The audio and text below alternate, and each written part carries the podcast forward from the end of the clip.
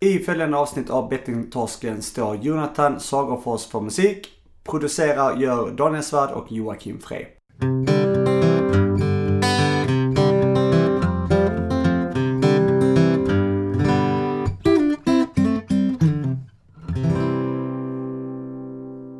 Hej och välkommen till Bettingtorsken avsnitt nummer 63.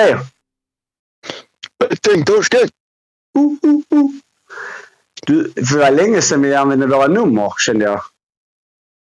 Eh, avsnittsnumren menar du? Ja, vi har gjort så jävla många nu så att eh, man glömmer ju bort. Och, ja. Ja, ja. Eh, men, men man fattar väl kanske det ibland när man eh, innan man trycker på, på play så, så står det 63. Eller? Ja, det är rätt tydligt. Ja, okej. Man, man får vara bra trött om man ska missa det. Ja. Men eh, fan, hur står det till då? Ja, jag är lite snuvig och lite hungrig, men jag kämpar på. Ja, det är bra. Eh, Eller det- bara... Va? Ja, ja, nej, det är ju inte bra att vara hungrig och snuvig, men eh, klassiskt så säger man ändå ja, men det är bra. Det är bra. Ja, men bra. Alltså, eh, liksom mentalt eh, känner jag mig i bra form. Mm. Jag har varit lite stressad en period här, men det börjar lugna ner sig lite. Så att eh, jag känner att jag är på G. Liksom. På Men just gång. nu så eh, hämmas jag lite då av mitt, eh, mitt snor och min hunger. Men eh, jo då. Du kan ju annars eh, äta ditt snor, så minskar du din hunger. Alltså, Mm, eh, jag var ju en eh, stor expert på det här när jag var yngre. Jag har släppt det lite nu. Jaha, du var den kråkätaren. Ja, ja, ja. Det vet jag att du också var. Det är bara att erkänna. Vem var inte det? Slicka på sitt snor där på vinter... ehm, när vinterkylan kom så hängde det där så fint. Eh, ja. Ja, alltså jag är ju imponerad av eh, barn. Alltså, och man var väl antagligen som själv att de är snoriga liksom, och, och det bara rinner. Men, men så är det liksom inte aktuellt för dem att eh, be om en papper eller någonting utan en liten, en liten slick borta. Den hänger så fint där. De är inte så eh, pryda. Liksom, eller så här, de, de, ja, de har låg tröskel. Nej, ja, de tänker inte att de ska gå på en eh, vet du det, em, skumpa och kräftmiddag. Liksom. Nej, inte direkt. Nej. Ehm, ja, och eh, hur är det själv då? Eh, jo, då, jo, här är det bra. Eh, varken snor eller hunger eh, faktiskt. Nej. Jag... ehm, nej, jag, ja, men jag kämpar ju på ändå. Det gör man väl alltid. Ehm, nu har man väl kommit in mer i rutinerna eh, efter sommaren här. Och ehm, skolan har man ju haft. Men, men nu har man ju praktiserat också. Eller Mm. nej, jag håller på att praktisera rättare sagt. Ja. Ja. Så det blir mer, eh, ännu tydligare eh, rutiner nu att man måste verkligen vara duktig. Eller vad man säger. Ja. Lyssnar du på några poddar nu förutom Bettingtorsken? Eh, ja, eh, nej, jag har väl tappat lite. Jag lyssnar ju fortfarande ibland på um, eh, Skolman och, um, och han, Skolman. och han Sigge, Pigge Eklunds podd.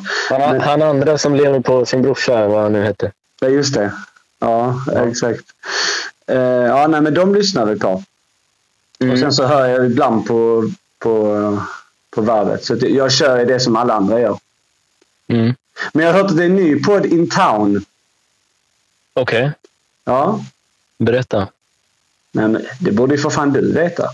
Är det New Kid on the Block? Nej, men du har ju för fan en Nej. syster som har börjat spela in podcast. Jaha. ja. ja, men eh, ja, ja, ja, ja, ja. Det var den du menade. Ja, men eh, ja, så är det ju. De eh, drog igång här i onsdags, va? tror jag. Ja, Eh, och eh, ja, det är bra. Hon går i, i storebrorsans fotspår, höll jag på att säga. Fast jag är lillebror då, men den ändå. store mannens eh, fotspår kan man säga. Ja, jag, jag säger det till mina barn på fritids. Jag- Dan heter jag, men ni kan kalla mig bara den store mannen. Ja.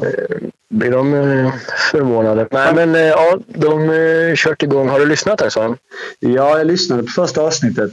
ehm, Ja. som hade. Eh, sen har. Ja, sen, ja. Men det var bra. Det var kul. Um, Mm. Faktiskt. Eh, Det, är inte, det, det måste vara svårt nu för, alltså, eh, för andra familjer att konkurrera med två podd, poddstjärnor, tänker jag. Ja, jag, jag var ju där och hälsade på faktiskt eh, häromdagen och eh, då sa jag det till hennes man där att, eh, att det måste kännas stort för dig att sitta mitt emellan två mediaprofiler. Men ja, det, han, han löser nog det. Ja. Men jag tycker det är som är intressant med deras podd, som, eller det, det är mycket, men framförallt som kanske fler borde anamma, är att de känner inte varandra överhuvudtaget. Eh, Det är ett spännande grepp tycker jag. Mm. Eh, anamma, amma. Det rimmar. De pratar ju om amma där i också. Och det är ju kul. Ja, just det. Ja, Att det rimmar, menar jag. Fick du till det? Just det. Eh, men det heter Stanna hemma, va? Mm, precis. Ja, vi gör lite reklam för den. Jag in och lyssna på Stanna hemma. Det måste man göra. Vi har ju Ja. fått så mycket hjälp av, av din syster och Jonte the Man med vår podd. Så det är klart att de ska få lite exponering i vår. Eller Jingel-Jonte som han kallas. Just det, Jingel-Jonte. Ja, legend. Du, eh, fan, eh, om ämnet Daniel. Ja, Ja, spelberoende precis. är vi allihopa. Ja, eh, jag tänkte höra med ditt spelsug. Hur, eh, nu har du ju bott i Kalmar ett tag. Eh, Och det Ja. finns ju inte eh, många föreningar där att besöka. Än. Nej, även om precis än ja. Det är ju på G. Det blir väl vilken vecka som helst här nu. Men eh, nej, det har inte funnits. Men eh, det har väl varit rätt så, eh, rätt så lugnt. Däremot så har jag haft en känsla faktiskt som har återkommit jag vet att vi har pratat om innan. Jag vet dock inte om jag pratat om det i podden eller bara privat. Men det är det här med att jag har varit nykter i, i sex år ungefär Mm. Drygt sex år. Och, eh, och att man har slutat spela och, och så här. Så det kommer lite den här känslan av att, eh, att man... Eh, ja, hur ska man förklara det? Att det saknas lite action i livet och, och att eh, ibland får jag den här lusten att bara eh, vara lite knasig, lite knäpp. Flippa ut. Eh, jag flippar ut ja. Eh, supa till och... eh, Det låter väldigt vulgärt och hårt men det är liksom sanningen. Man ska ju vara ärlig i den här podden. Och, Mm. inte för att jag är så jävla sugen på sprit just utan för att det är bara... Ja, så, ja, du sa det bra. Alltså, flippa, flippa ut. Men sen har det inte varit något specifikt just eh, spelsug eh, alls faktiskt. Även om jag ska erkänna en sak också. Mm. Jag har faktiskt brutit min, eh, mitt löfte till mig själv om att inte kolla fotboll. Mm. Eh, Men det var ju ingen skräll. Alltså det visste man ju. vad fan menar du med det? Ja. Alltså, ja, det var ing- jag, jag kunde inte stå emot. Jag blev så sugen på att se hur det skulle gå för Robin Olsen i Roma. Mhm. Så jag tittade faktiskt på Romas premiär eh, igår. Det är väl lite otippat på något sätt. Eller så här. Ja, Det är mycket, mycket termer nu jag märker att jag använder. Jag använder både skräll och otippat här i... eh, Ja, skitsamma. Men eh, jag menar, det skulle ju varit mer naturligt om du hade sett Liverpool West Ham, tänker jag. Liksom. Eller så här. Det hade ju varit fint. Eh, ja, nej. Men, eh, men Roma... eh, Ja, spännande. Ja. Ja, men jag gillar ju Serie A och så här, men sen så var det inte så mycket. Jag var inte så peppad egentligen på det, men så tänkte jag fan, han eh, ska ju ändå stå. Eller jag fick upp, jag var faktiskt inne på Aftonbladet och läste lite. Det ska man egentligen aldrig göra, men det- så gjorde jag i alla fall det. Och då stod det då att Robin Olsen får starta i första matchen och då, då, då blev jag sugen. Mm. Men eh, Ja, för jag tänkte det här med spelsug, jag tänkte utveckla det. För att jag vet, vi snackar ju lite... Eh, du, du meddelade, eller sa ju till mig här, eh, härom sistens om att, eh, att du har haft ett spelsug. Men det du är inne på det här med, med att det kan väl bero på de faktorerna. Men också att du har nu flyttat till en ny plats och liksom det har varit mycket. och, och att det var någon form Mm. av att ja, att det blir... Um, eh, tomt på något sätt, eller hur? Eh? Ja, vad var det jag sa om det där egentligen? Just det, för vi pratade om det, ja, det är sant. Mm. Sa jag att jag hade haft spelsug? Jag sa nog det va? Ja, exakt. För att du kände att det var... Men det, jag, tror du är inne på det här med... eh, Ja, att du... För jag känner igen det här med att när man flyttar hem igen. Och det har jag ju Mm. också gjort. eh, Fast man har Mm. sagt att man inte ska det. Typ. Mm. Och då får man ju svälja lite av sin eh, stolthet känner man fast det egentligen Mm. bara en, en bara, alltså, det, det är bara för att man inte är mogen nog till att förstå att livet handlar om förändringar också ibland. Mm. Och, då, tänker, då, då, och då, då händer det mycket i en när det, just det händer när man flyttar hem och Mm. måste landa i det där. Och man kommer ju tillbaka på något sätt till något som man lämnar och har någon form av förakt kanske till att ja, jag misslyckades lite och då, och då kan man känna sig tom och man vill liksom flippa ut. Som sagt. Mm. Ja, men jag minns det där samtalet. Jag minns också att jag, jag uttryckte det på något speciellt sätt. Jag minns jag faktiskt inte vad det, vad det var. Alltså. Eh, men det var väl ganska tillfälligt där någon dag eller två. Och det har jag förträngt nu. Men eh, jo, det har ju varit lite rörigt. Alltså. Men jag känner att jag börjar komma till ro nu. Jag har börjat jobba och så här. Det gör ju mycket. Mm. Eh, att man får lite rutiner. Och, som jag sa till dig förut, jag har också varit otroligt hurtig och cyklat till jobbet varje dag. Ja. Eh, Så det är ju så man jobbar. Men eh, hur har det varit eh, för dig då? Det, Ja, alltså jag har inte alls... eh, Det var ju bara den perioden under, under VM. Det var ju Mm. väldigt liksom. ehm, och det har man ju förstått nu. Jag har ju förstått det på det sättet att jag inte... Jag har inte tillåtit mig själv att engagera mig i de här uh, fantasy-grejerna som jag har gjort tidigare. nej. Jag märkte under VM att det var ju lite av en triggerpunkt också. Att ha ett sånt här... Det var ju ingen tävling. Eller, det var ju intern tävling mot kanske människor man känner. Där man Mm. mm. väljer ut sina spelare man vill ha inför varje omgång eh, av Mm. matcher som ska spelas då i VM, som det var då. Och det Mm. har jag ju haft tidigare, för det är ju en kopia av de här äh, Fantasy Premier League, alltså England, eller då Premier Leagues eh, variant där man tar ut spelare från olika lag och så ska man ta ut det bästa laget, de bästa spelarna som ger mest poäng. Alltså det, hur bra de Mm. då spelar per match. Och då är det lite som att förutse hur resultaten kommer att bli. Mm.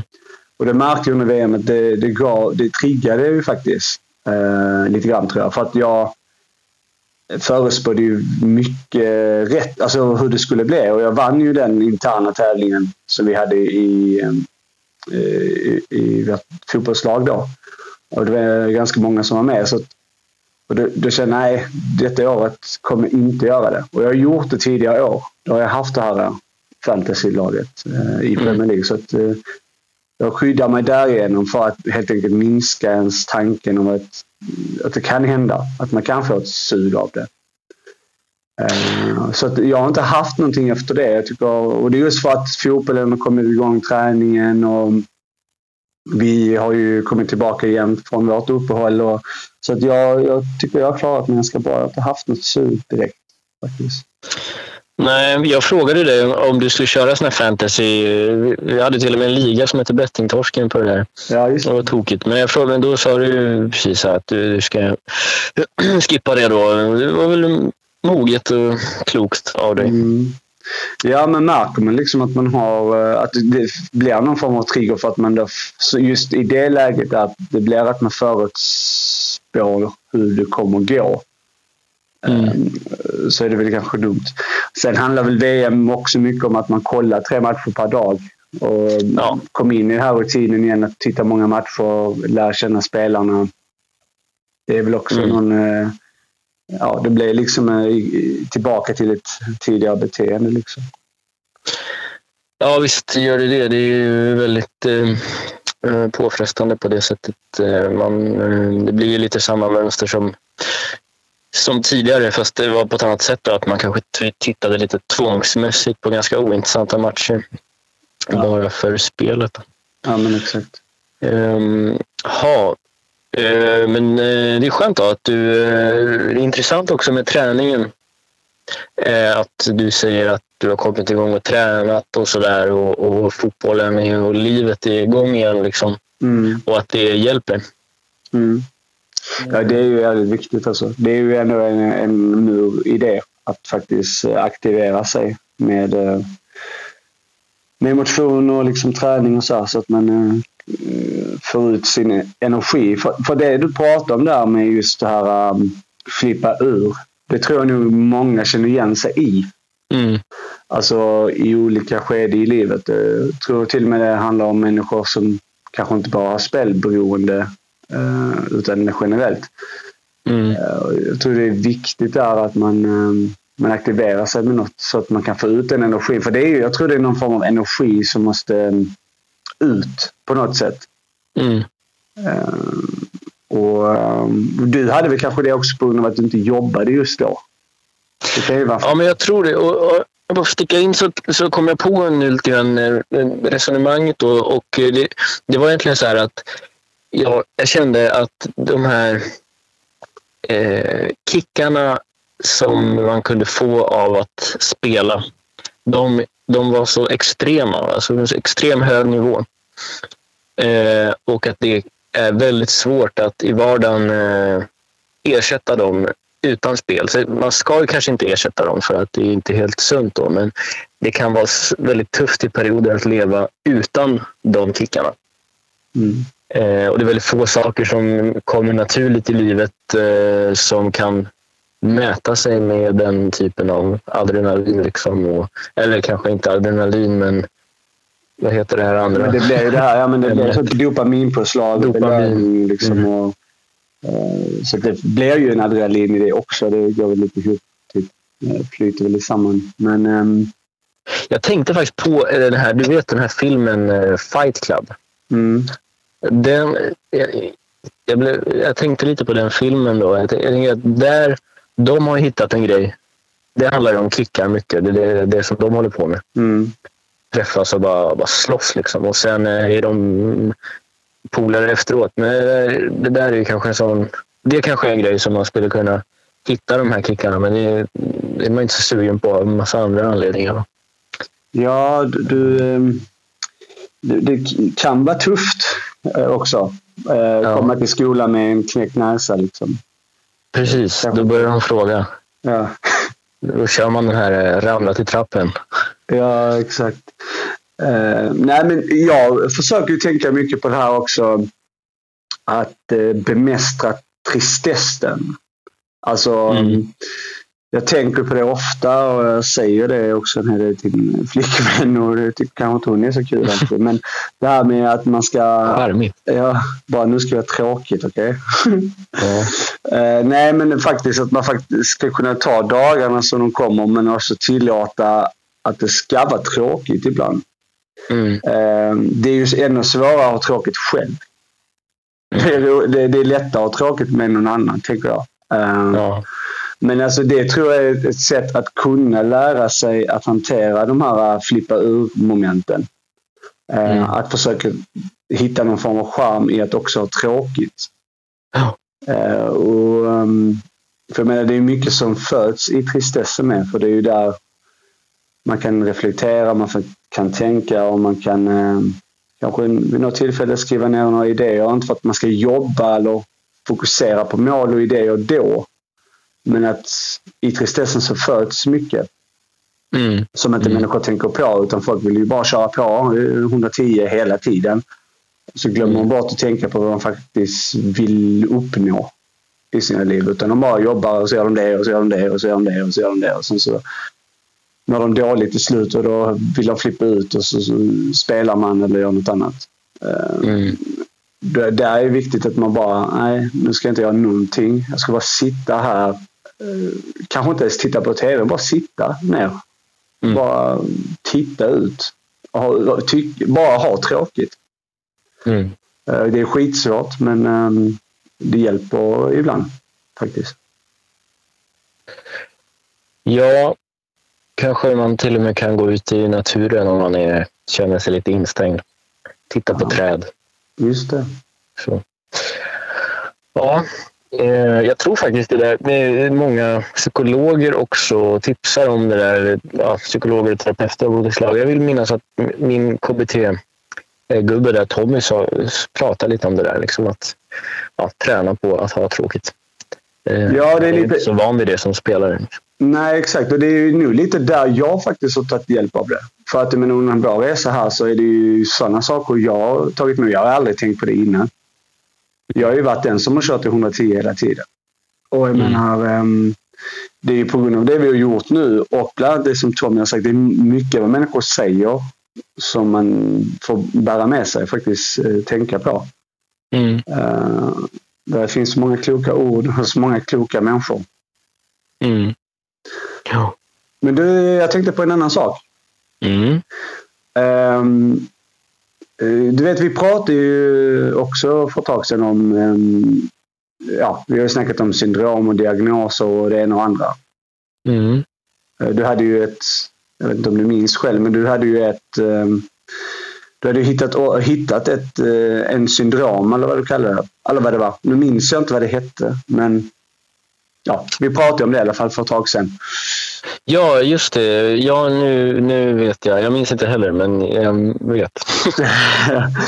Ja, jag har eh, spånat vidare på det. Jag har inte släppt det nämligen. Okej. För jag, hade ett jätte, jag hade ett jättespännande samtal med... Eh, jag har en suverän lärare i min skola eh, Mm. faktiskt.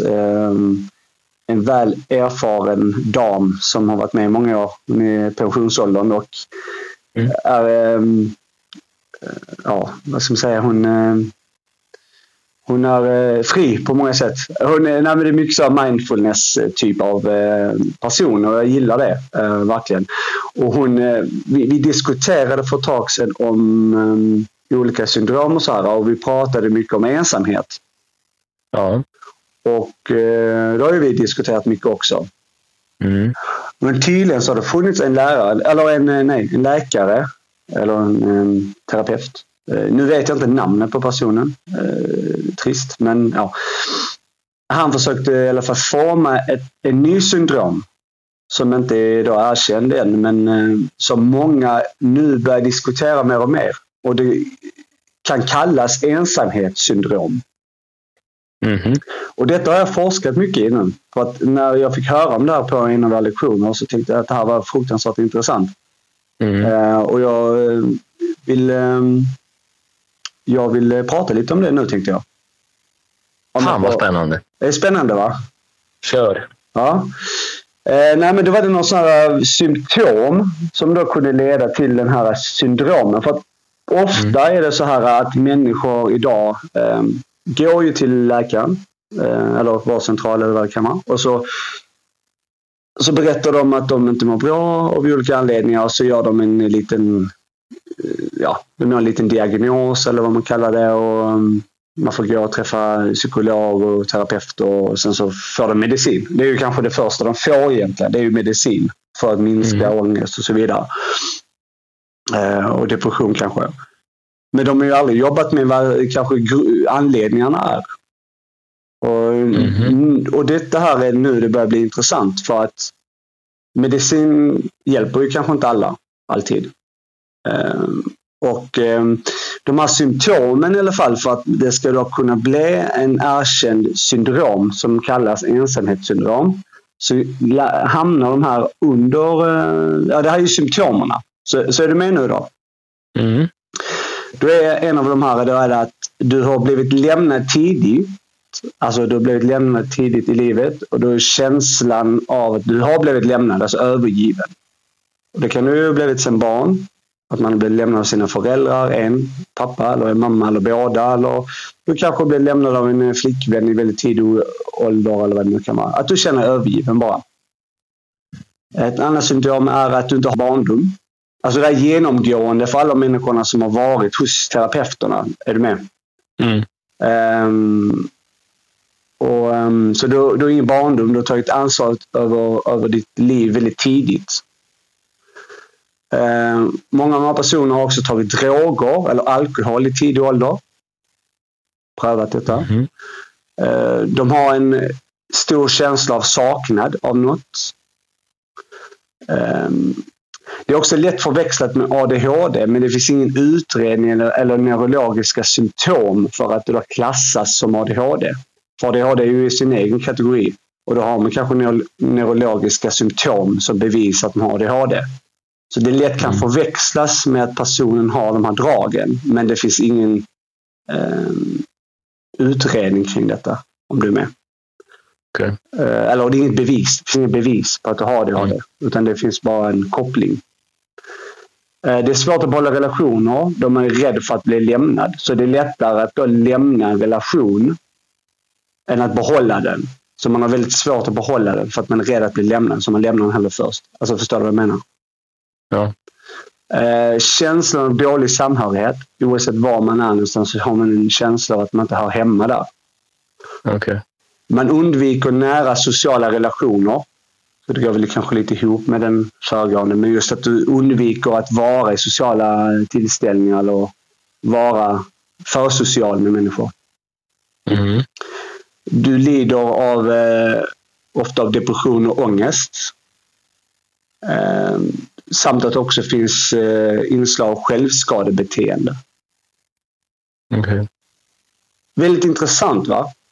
Alltså alla de här eh, är väldigt kännetecknande i den här ensamhetssyndromen som då den här eh, läkaren eller den här eh, terapeuten har. Eh, och han har granskat väldigt många patienter. För det är lätt när man gör en sån utredning så blir man då klassad, om man då träffar i något så blir det då klassad att ja, du har ADHD eller ADD eller något annat som redan finns. Men i själva verket så är det inte egentligen det de har, utan de kanske lider av någonting helt annat. Och han kallar det då för ensamhetssyndrom? Ja, han kallar det för ensamhetssyndrom. Och det är många nu mm. som har börjat ta efter det här, men det har inte blivit erkänt som ett eget syndrom. Okej. Okay. Eh, jag tyckte bara det var väldigt intressant i och med att vi pratade här eh, ja, för ett tag sedan om det och så dök just detta ämne upp i klassen. Så jag, jag mm. gjorde en väldigt stor eh, undersökning kring det här och fick med alla de här punkterna och så pratade jag med min lärare om det här och hon började nästan gråta för hon förstod nu att, du vet, att det finns det är ju starka kopplingar och det här finns redan. Alltså söker de ensamhetssyndrom så finns det små grejer om det. Mm. Um, ja. Men du, du vill koppla det på något vis till eh, kanske till eh, spel eller till beroenden kanske överhuvudtaget?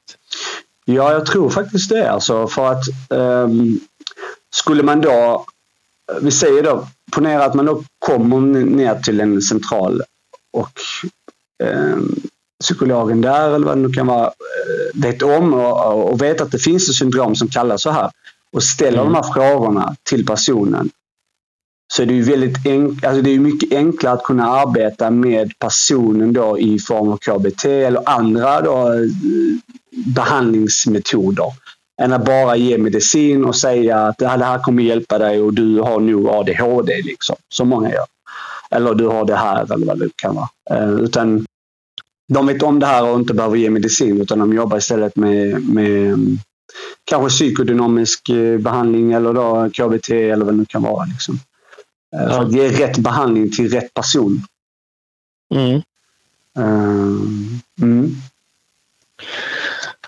Ja, det är ju uh, intressant och det är ju såklart inga mediciner, tror inte jag i alla fall, som hjälper mot de här punkterna utan det är ju, det är ju ja, Nej, men det är ju att prata. Liksom. Exakt, prata om det, erkänna det kanske för sig själv. jag menar, om en, en psykolog vet om att det här ingår, då kan ju de ställa enkla frågor och ofta är det ju att man själv kan släppa på den känslan man har eller det som har hänt i ens liv. Eh, det är ju egentligen första steget att faktiskt börja jobba med sig själv. Liksom. Mm. Så jag tyckte det var fruktansvärt intressant det här. Ja, det är intressant också för att eh, prata lite om ADHD och sådär. Jag, jag tror inte på ADHD, men, men att det kan vara kanske eh, ja, det som man, många... För det, det är så himla är många som slänger sig med de där begreppen. Ja, men den unga är lite stökig, ADHD. Du vet, man säger det som om det är det mest eh, normala i världen. Liksom. Mm. Eh, Och man, ska, man är generellt väldigt snabb på att ge folk diagnoser hela tiden. Mm. Ehm, så det är lite mer spännande att gå in på, på detaljerna liksom och prata om vad det faktiskt är och beror på. Och, och att det inte bara handlar om att stoppa i sig en massa tabletter så ska det bli bra. Nej, jag är själv väldigt eh, allergisk mot att det finns så många olika diagnoser, sy- syndrom och det ena och andra. Och så kommer man nu med en ny syndrom. Men det är just så att så det, det är kanske lite motsägelsefullt. Men just att det, det finns... Alltså många pratar om ensamhet. Mm. Och att människor känner sig ensamma fast de kanske ändå är bland människor. Då undrar man vad fan kan du känna dig ensam då? Du vet, det är något Mm. Men då finns det kanske något bakomliggande.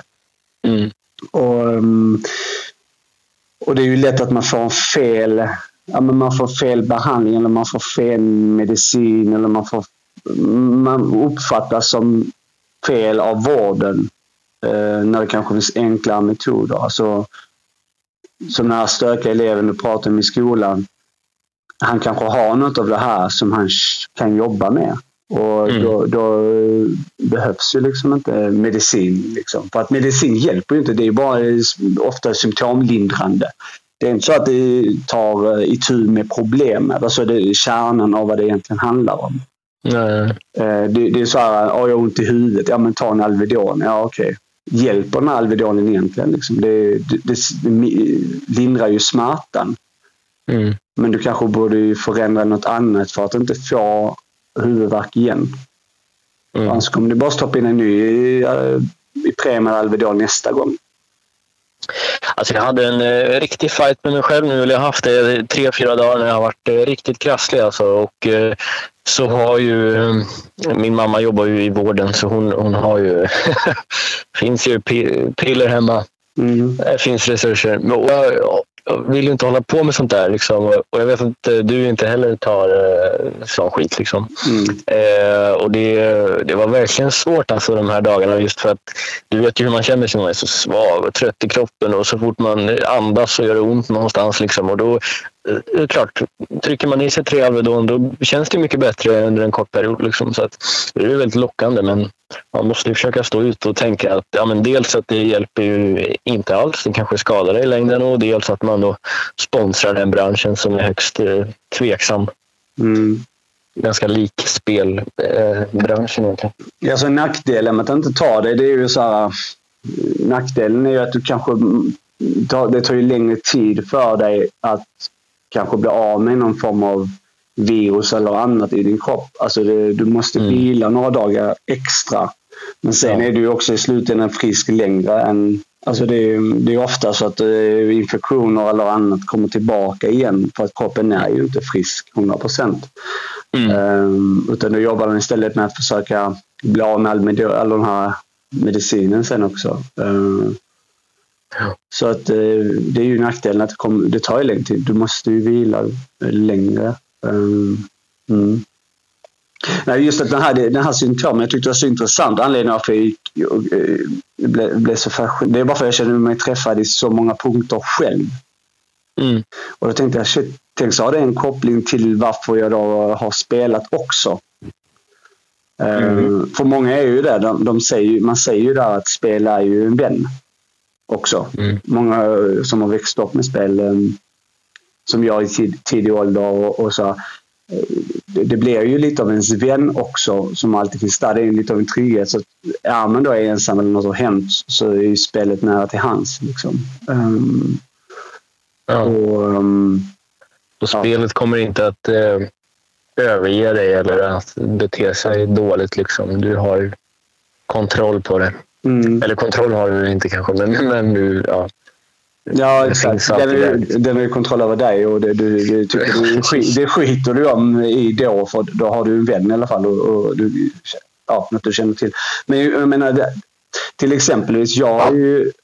Skulle man, mina föräldrar gjort någon um, utredning på mig när jag var yngre och, och upp i tonår och så vidare. Då hade jag ju säkerligen kunnat få en diagnos som ADHD. Med stor Mm. sannolikhet. För att jag har ju varit väldigt... Um, Jobbig. ja, jobbig i många lägen. Ja, men jag har varit så utåt, att, vet du, utåtagerande i många lägen. Mm. Jag har, ehm, varit väldigt um, ja, men så här, rastlös. Det kan man vara fortfarande ibland. Um, ja, men så här, det, det är många...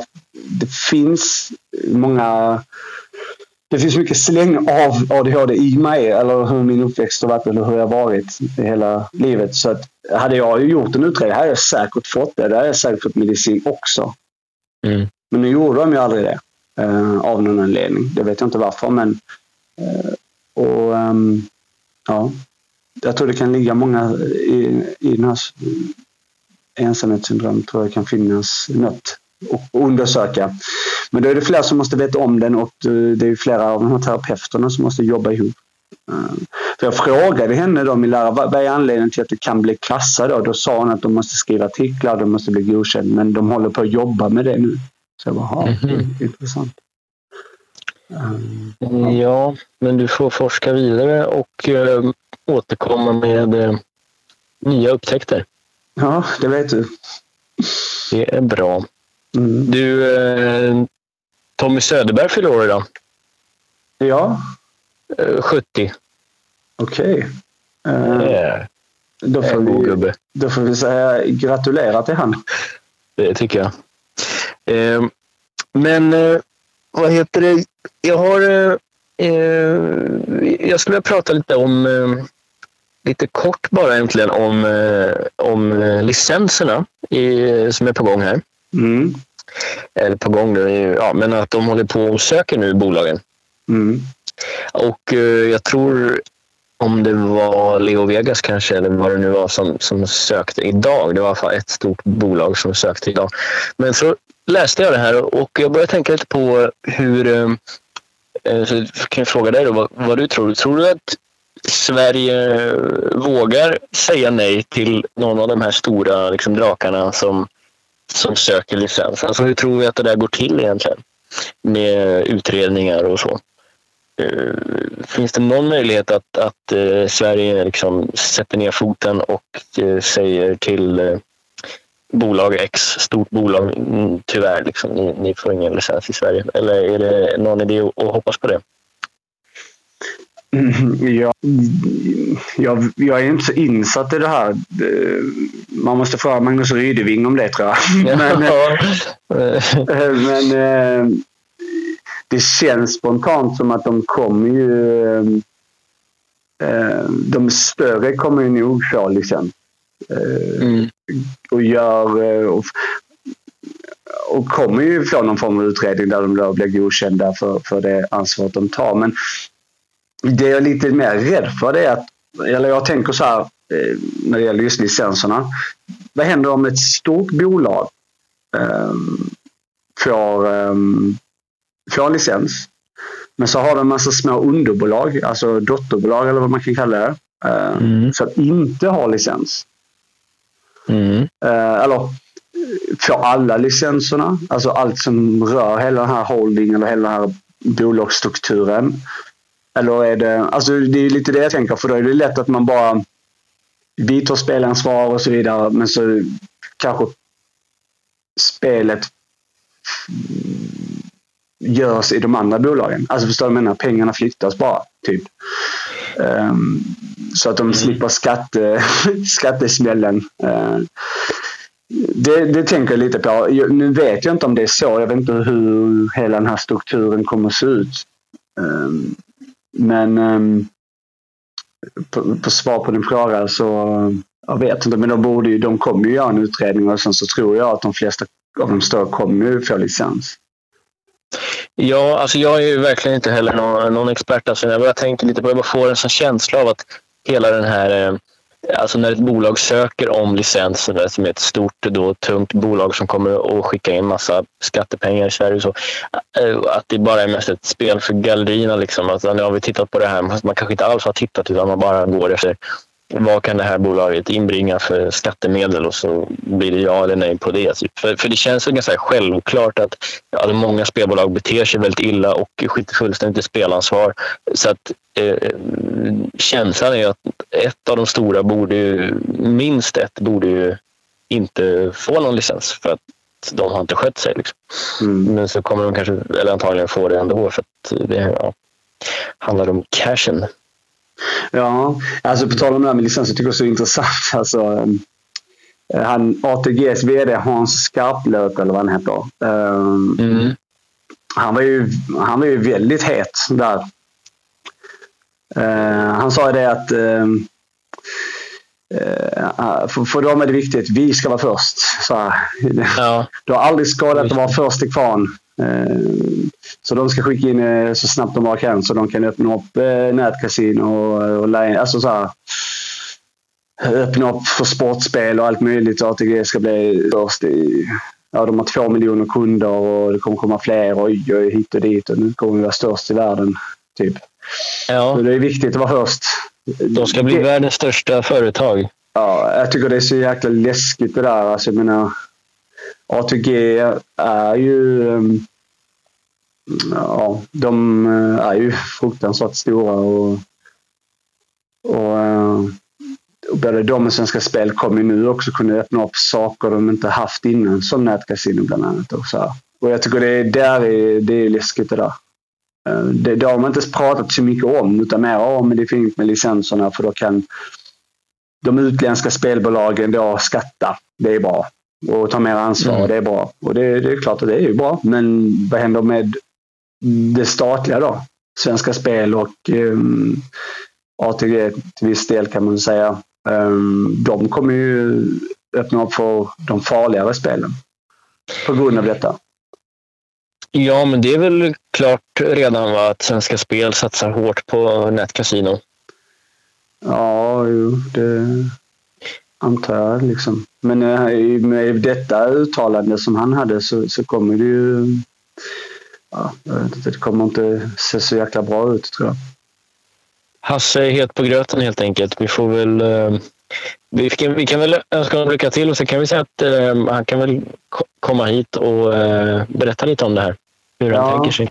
Ja, vi kanske får göra ett nytt, nytt avsnitt med eh, de ansvariga. Där. Vi hade ju Annika Strand va? För några tid. Ja, Strand, ja, Strand, ja precis. Det stämmer bra det. Jag funderar på om han hette något mer än Strand. Det gör man ibland. Strandberg och så. Men det var nog bara Strand, ja. Mm.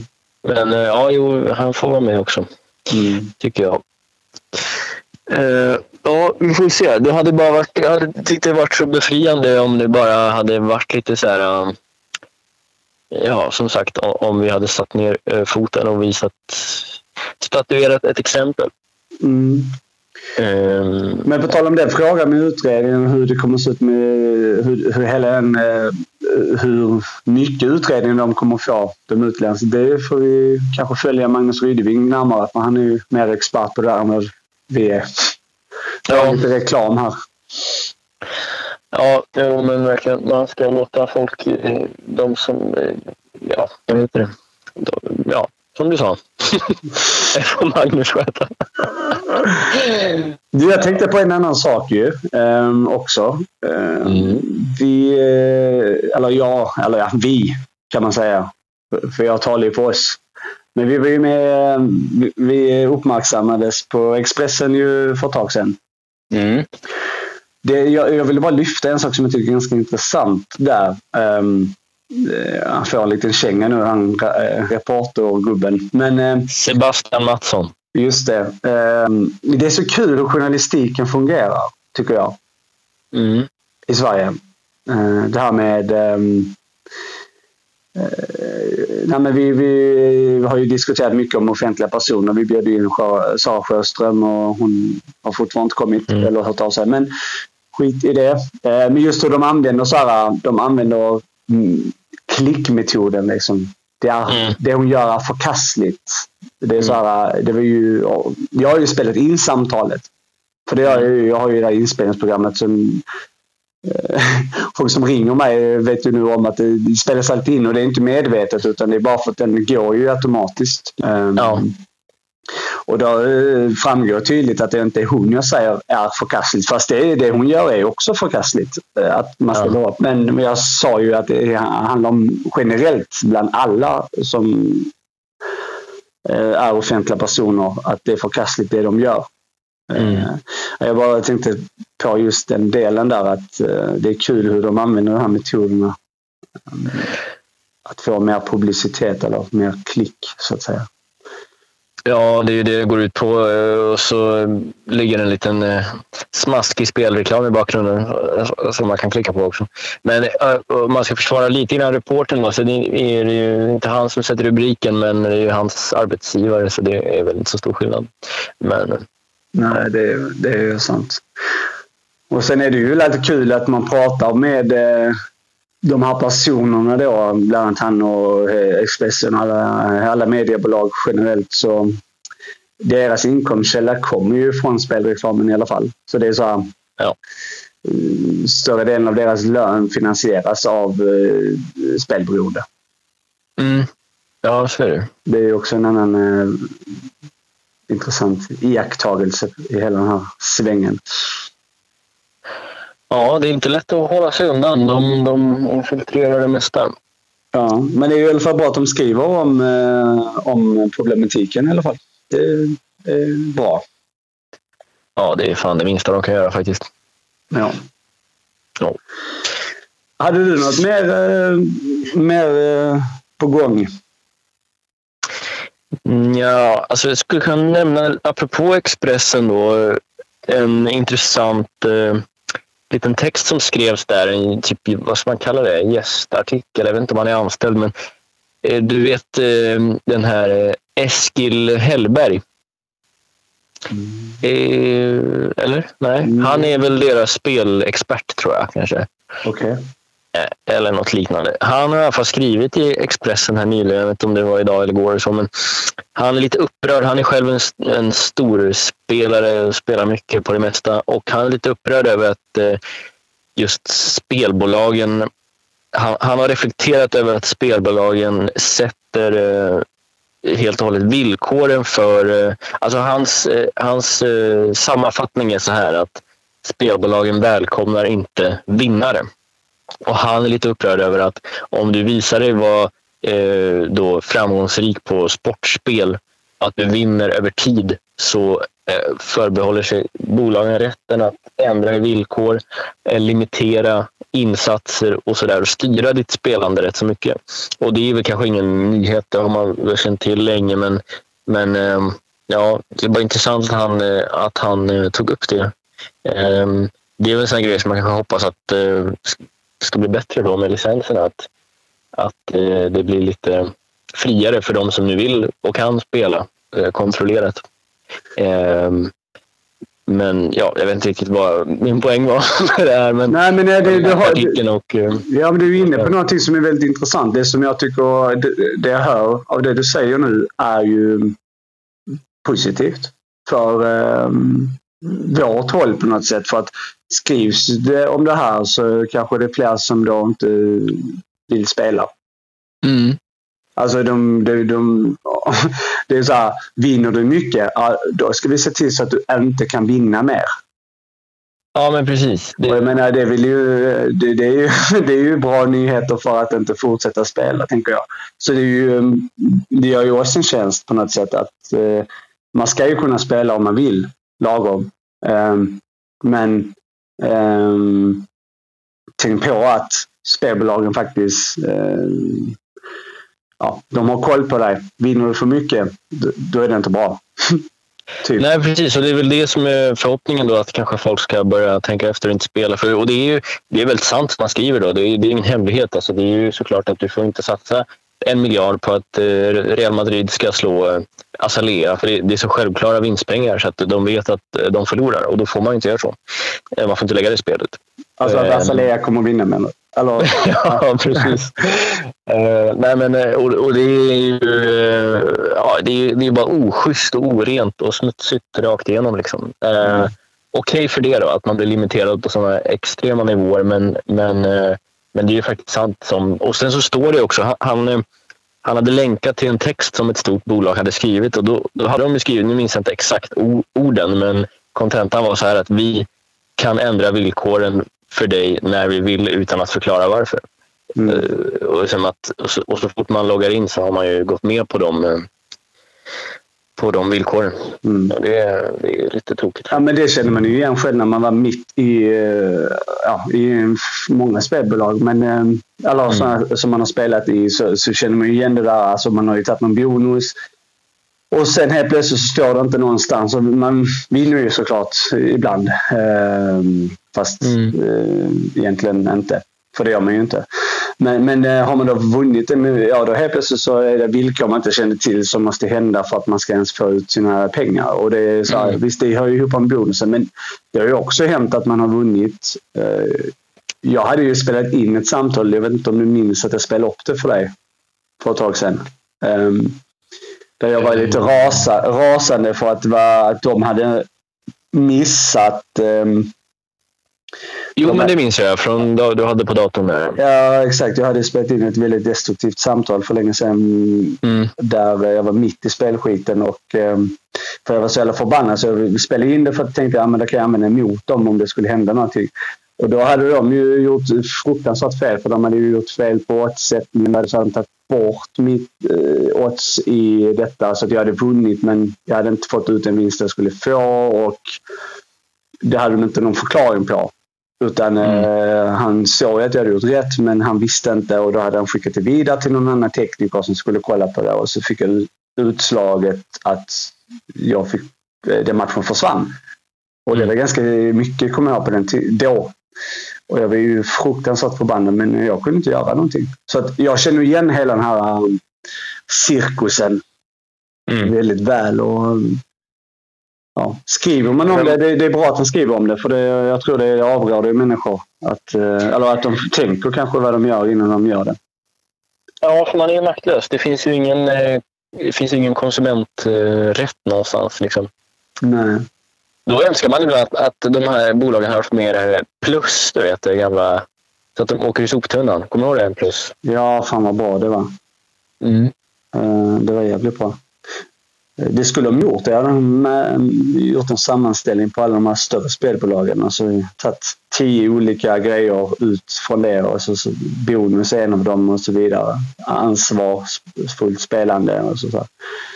Vilken stor soptunna de hade behövt. Frågan är vilken som hade överlevt eh, av de spelbolagen eh, som hade fått ett plus kanske. Ja, Mm. lätt räknat. Mm. Ha, men eh, vi ska börja runda av kanske. Det tycker jag. Om inte du har några visdomsord att avsluta med. Nej, däremot så tänker jag jag har, eh, jag har några Visdomstand. Ja, just det. Jag har några spännande... mm, Jag har, några, jag har ett spännande ämne som jag kommer uh, lyfta nästa gång vi har vårt egna avsnitt. Så Okej.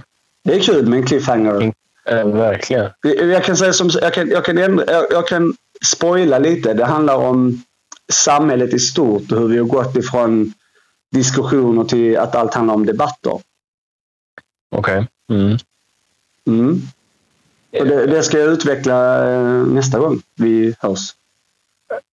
Ja, eh, ja, men det, det låter bra. Det, det väntar vi på. Men, eh, men en, en sista grej då. Eh, Hur gör du med valet? Alltså inte vad ska du rösta på utan hur är du, känner du lugn eller är du stressad? Eller? Men det är lite det, ja, men det, det hör ihop lite med det. eh, det Jaha, ja. nu har du blivit politiker också. Eh, Nej, nej, men du är ju inne på det här också. Eh, Du förstår, vi, vi, vi, det börjar bli synk. Det börjar bli synk det här. Ja, ja, ja. Valet närmar sig och, och eh, reflektioner och, och annat därtill. Eh, Ja, jag, jag, jag sparar den helt enkelt till nästa avsnitt. gör det. Mm. Det är bra. Okej, men, eh, Men du, eh, tack för idag då. Vi, vi, vi hörs en annan gång. det gör vi. Det gör vi. Och tack för att ni har lyssnat Ja, allihopa. hej hej. Ha det, ha det. Hej då.